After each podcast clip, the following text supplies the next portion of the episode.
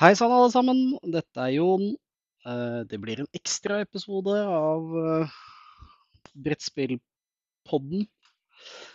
Eh, Det er sommer, fellesferie og varmt ute. Og når det er så varmt ute, så vet vi alle at det, er jo brettspillvær. Man kan jo ikke være ute på skjære holmer og bli brun. Man må jo bevare blekheten og få terningtårnene til å bli brukt. Og så må man sette en dungeon crawler på bordet. Eller hulekryper, som vi kaller det på norsk. Eller jeg kaller det på norsk. Så i dag skal min uh, nummer én fan komme og spille brettspill klokka sju i dag.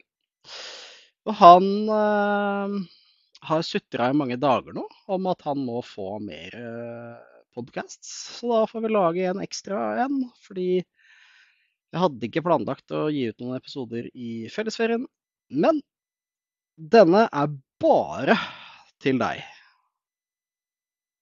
Um, det er sånn at når man kjeder seg glugg i hjel om sommeren og ikke har noen ting å gjøre, så kan det være at man går på regellesing. Og jeg har i årevis hatt lyst til å lese uh, Nei, lese. Spille War of the Ring, som er et sånn sagnomsust uh, krigsdudes uh, on the map eh, type to-player-spill. Som um, jeg tror det ble gitt ut i second edition. Ble gitt ut i 2011, så vidt jeg husker. Og det er et stort spill med masse plastikk. Som originalen ble gitt ut i 2004. Så Og jeg vil påstå at med en score på BGG på 8,5 og 17 000 folk som har giddet å stemme, så er det et bra spill. Selv om ratings på BoardGameGeek eh, er litt så som så. Men jeg tør påstå at eh, det er eh, lov å eh, anta at et spill med 8,5 og 17 000 ratings, eller 17 000 personer som sammen kommer til den scoren, at det er relativt safe. Så jeg har sittet i et par dager nå og lest regler, fordi at det er et spill som er avhengig, virker det som, at folk har satt seg litt inn i det før man skal lære det. For jeg har hatt det på bordet en gang, og liksom tatt knekken på regelboka og begynt å lese, og det, det gikk bare ikke. Vi kom en halv runde uti, og så lurte vi på noe, fant ikke regelboka, og ga opp. Så nå har jeg lest regelboka og sett video, som for øvrig er litt sånn Mange av disse videoene som jeg også har vært med på å lage før, er jo ikke alltid riktig, da, folkens. Det er jo ofte en kilde til feil, det der. Så det er viktig å både lese reglene og se video. Men det er klart, har du sett en video før du spiller spillet første gang, så vil du jo kunne klare å eh, i hvert fall henge bedre med da, når man går gjennom reglene. Men det er nå engang sånn at man kommer ikke unna å gå gjennom reglene på et spill. Uansett om dette er tapestry med to sider regler, som jeg for øvrig klarte å misforstå her om dagen, eller om det er øh, rett og slett 58 sider, eller hva det nå er, med tunge regler øh, som må leses, så er det liksom eh, Du kommer ikke unna det, da. Det er sikkert en av grunnene til at man i eh, Norge i stor grad har uh, selskapsspill med reglene i lokket eller på en A4-side. Og eh, at vi som da er såkalte hobbyspillere, eller hva vi nå skal kalle moderne brettspillere, det er så mange navn på oss, oss andre som liker tyngre ting. eh, jeg tror at mye av grunnen til det er Eh, kan ligge i hvert fall på det at folk er vant til at reglene er kjempelette, da. Det er sånn at jeg har lest Jeg har lest regler på Hva var det? Fantomet? Det syns jeg det, Første gangen jeg var, jeg var vel 12-13 eller noe sånt nå. Og de reglene var så tunge, for det var hele lokket på en sånn lang algaeske. Og det var helt krise. Nå sitter jeg og leser, tørrleser, uten å ha spillet foran meg.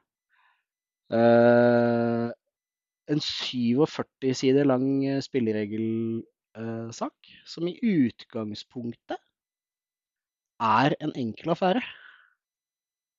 Men fordi man velger eh, dele opp regelbøkene sine med ting som skal huskes i løpet av hele spillet og, og i deler av spillet og sånn, både før og etter kapittel 4 på side 18, som er the game turn.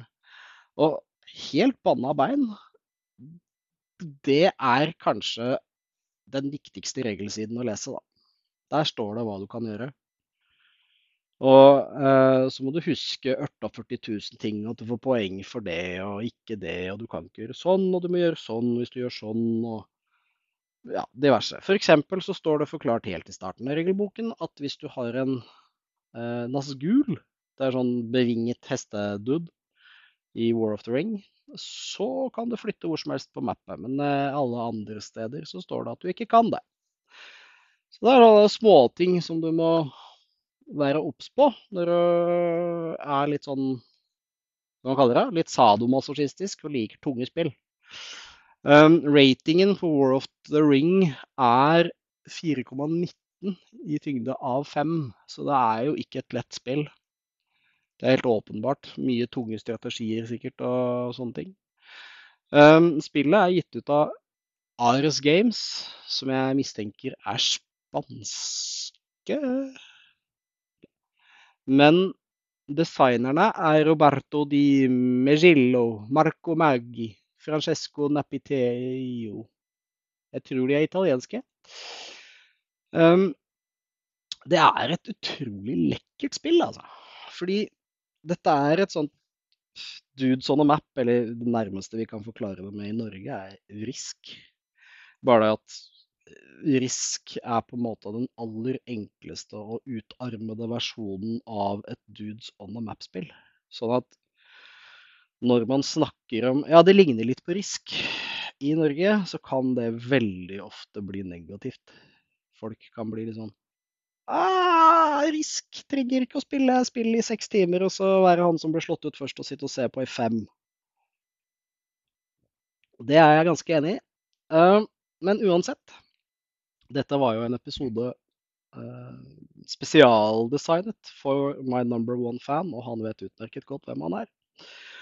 For han sitter der da i uh, saltgruven sin, også kalt arbeid, og vannsmekter blant uh, økonomiske utfordringer. og det skal spilles i kveld, og han hater når jeg dunker et uh, eurospill på bordet. Jeg må jo gjøre det uten å si fra, for hvis ikke så kommer jo ikke folk. Men i dag blir det monstre. Det er helt sikkert. Jeg er litt usikker på hvilket monsterspill det blir, men det blir det. Um, utover det så er det vel uh, duket for um, en episode som er litt sånn midt på sommeren, og det har ikke skjedd så mye. Jeg eh, snakket vel om Hellboy for eh, noen episoder siden, for et par år siden, mener jeg. Og det er et spill som har holdt seg like interessant til nå.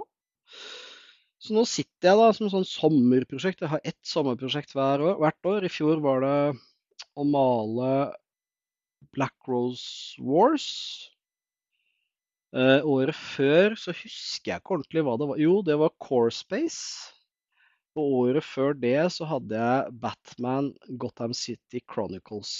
Og det, prosjektet er rett og slett å male så mange figurer som er overhodet mulig, sånn at spillet ser kult ut på bordet.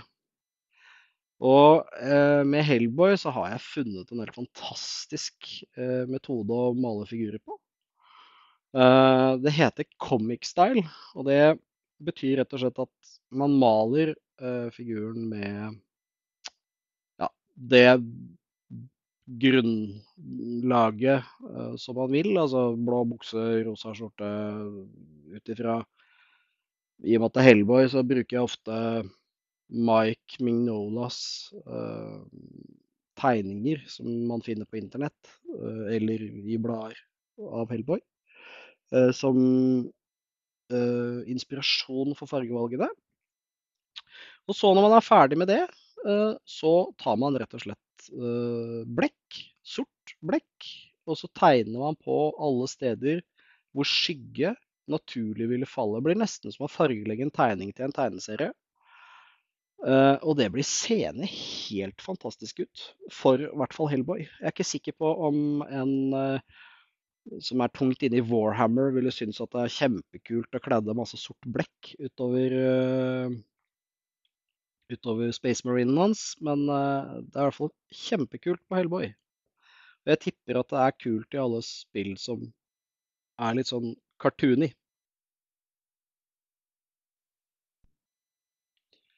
Det er helt åpenbart for meg at uh, Hellboy, uh, som for øvrig er designet av et relativt ungt ektepar i England, um, er et spill som har kommet for å bli. Først så ga de ut brettspill på Kickstarter som gikk over all forventning. Uh, for øvrig Mantic som gir, det ut. Så ga de ut rollespill som er bygget på DD5-reglene. Uh, som også har gjort det veldig, veldig bra. Sikkert fordi at de samme folkene som da har Hellboy The Board Game, har nå også kjøpt rollespillet. Så nå har de to produkter som på en måte overlapper hverandre. Eh, og det er en ganske genial forretningsmodell. Og så har de gitt ut The Dice Game eh, på Kickstarter for, for noe over et år siden. Det står at shippingen der nå, men jeg har ikke fått min. Og der er det selvfølgelig fire expansions til The Board Game. Dette er en fantastisk måte å få penger av folk som er Hellboy-glad. Og det er jo ingenting i veien for at uh, dette kan fungere for uh, andre også. Uh, man må bare finne en kul IP som folk henger på. Og her er det jo Dette er jo Altså IP er jo på en måte merkevaren, da. Hellboy, ikke sant. Og det som er kult, er at eh, mange merkevarer nå begynner å komme inn i det man kaller free domain. da. F.eks. så er originalhistoriene til Howard og Lovecraft er jo i free domain. Uh, fordi det er mer enn 70 år siden de ble de døde, eller hva. Jeg husker, jeg husker ikke, må, må ikke begynne å lage brettspill ut ifra hva jeg sier nå, altså. Men i hvert fall, det er flere og flere IP-er som havner i free domain. Uh, og jeg mistenker at uh, mange flere enn vi tror er i free domain, så lenge man holder seg til det som var den gang, da. Så dette er grunnen til de lager så mye Lovecraft-spill. Uh, fordi han er i public domain. Uh, eller gratis, om du vil. Du kan bare Ja, den historien vil jeg lage brettspill av. Så gjør du bare det, og så er det ingen som kan bli sure på deg. Det er flott for oss som er glad i brettspill.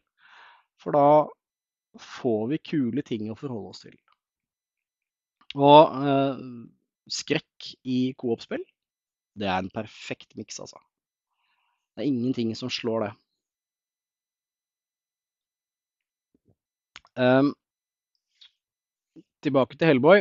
Um, det at et eh, Jeg husker ikke helt hvor i England de kom fra, men uh, det ser ut som et helt vanlig, normalt ektepar uh, med brettspillinteresse som, som da har laget dette spillet, og det må jo være fantastisk gøy å få gitt ut et spill som går så bra og som uh, attpåtil klarer å liksom få altså, Folk fra hele verden da, spiller dette spillet.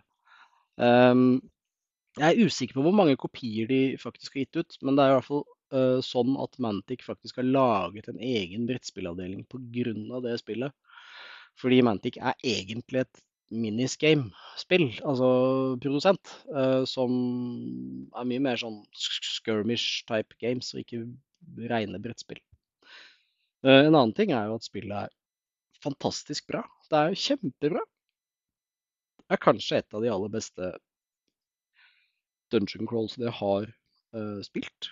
Og det ser du faktisk på BGG, fordi hvis du går inn der på Hellboy uh, og klikker deg inn på filer Fordi på BGG, boardgamegeek.com, så er det jo hjelpemidler på filedelen, ikke sant. Uh, og der kan man det, man veldig ofte finner, er jo sånn sammendrag av regler, Ehm, som for øvrig ofte er veldig bra.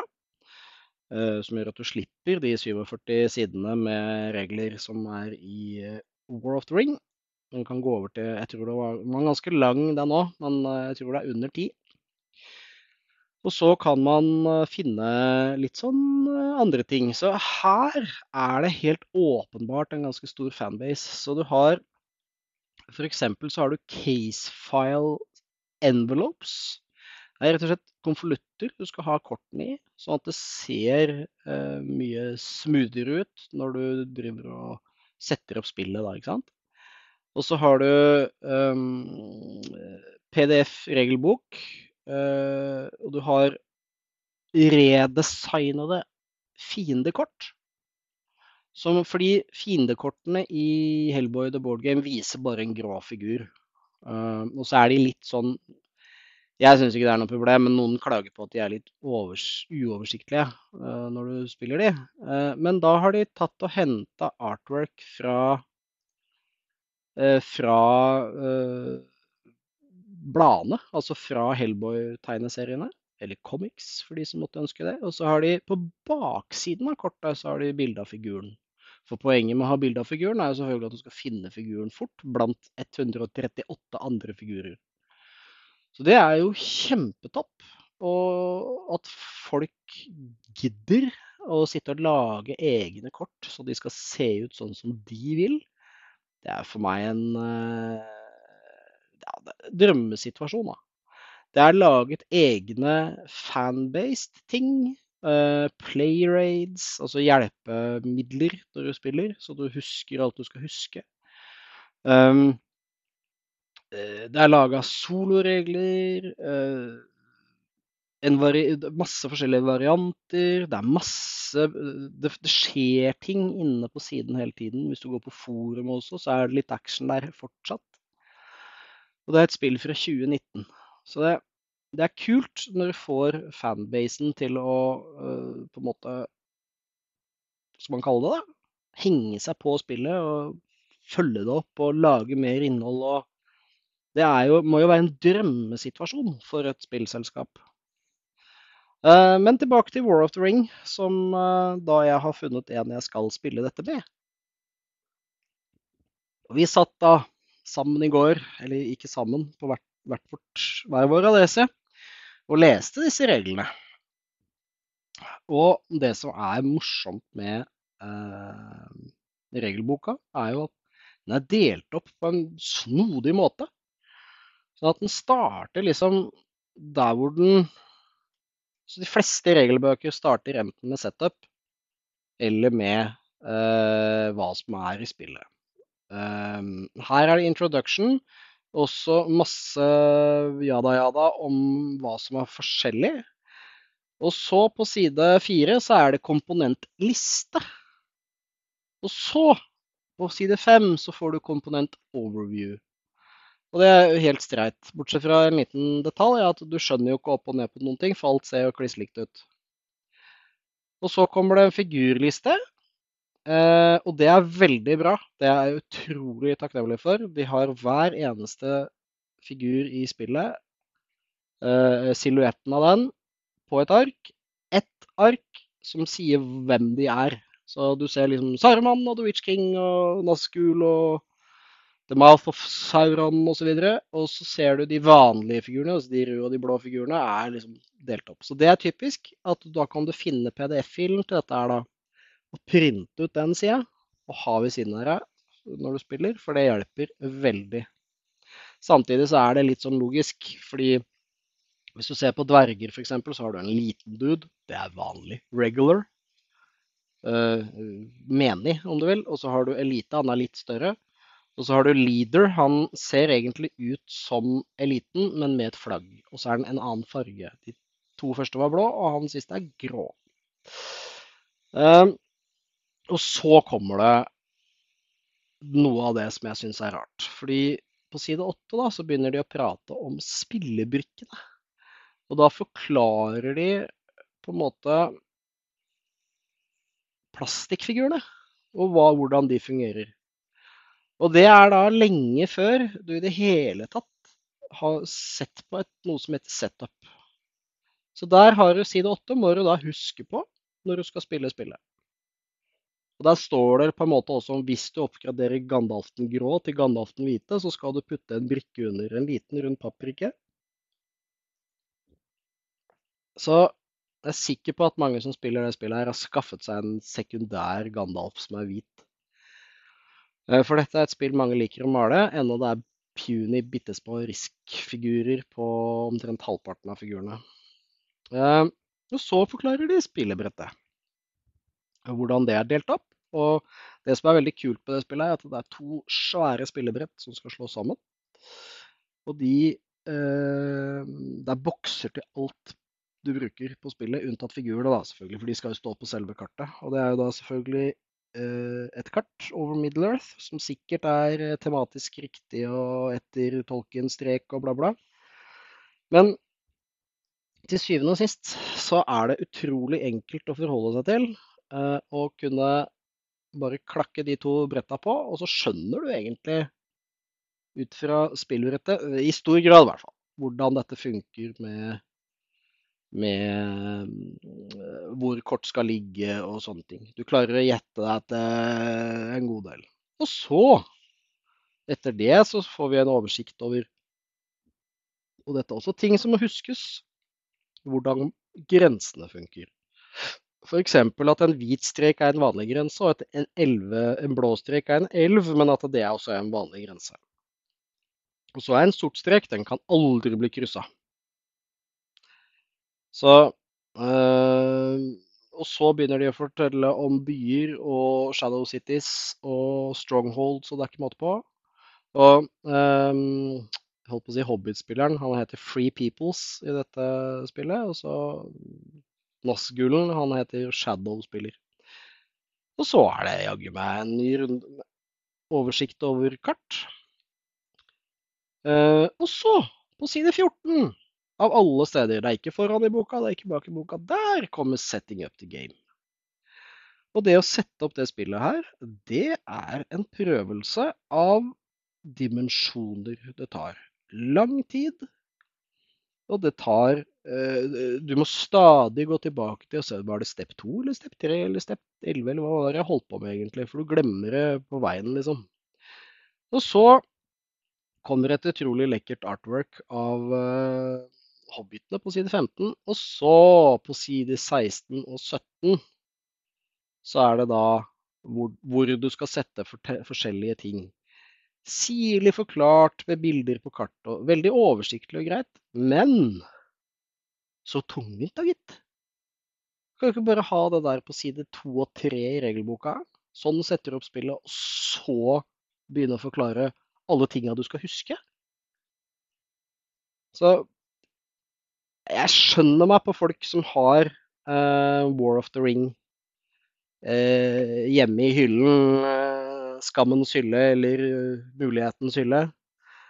Um, men jo mer jeg har lest på disse reglene, og jo mer jeg har snakka med han jeg skal spille om dette her, så blir jeg mer og mer interessert i å ville spille dette spillet. Så mitt håp er at jeg får det på bordet i løpet av et par uker og at vi kan ta en ny runde om um, War of the Ring i neste episode eller noe sånt noe.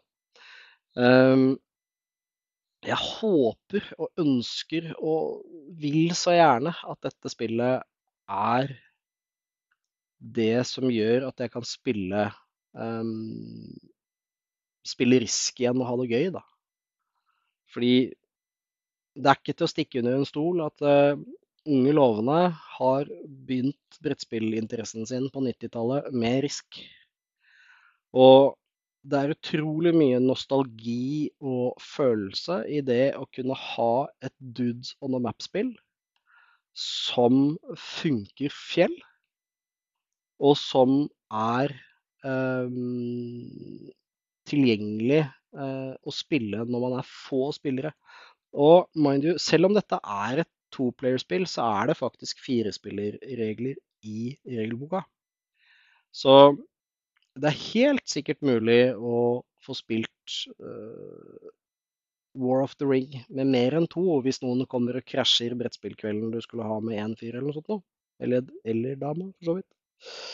Um, det er uh, noe som minner meg litt om uh, Star Wars Rebellion her også. En sånn Army-affære.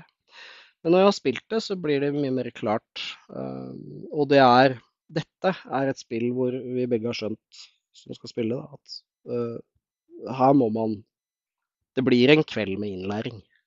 Det bør du ikke lure på. Og da sitter man vel igjen med en sånn Dette vil jeg spille igjen i morgen. Eller dette vil jeg aldri spille igjen, og rett på Finn eller eBay eller et eller annet sted, og bare her kjøp. Så det er uh, mitt håp for sommeren. Er å få ferdigbart uh, Hellboy-figurer og spilt War of the Ring. Det er kult. Um, jeg skal ikke plage lytterne med mer raljeringer fra Jons hjerne nå. Men uh, vi ses neste gang. Ha en utrolig flott sommer. Her skulle det vært en utrolig tøff uh, outro-sang, men uh, fordi det er sommer, og fordi jeg spiller inn på en annen lokasjon enn det jeg pleier, så får det bli med hei på du og ha det bra!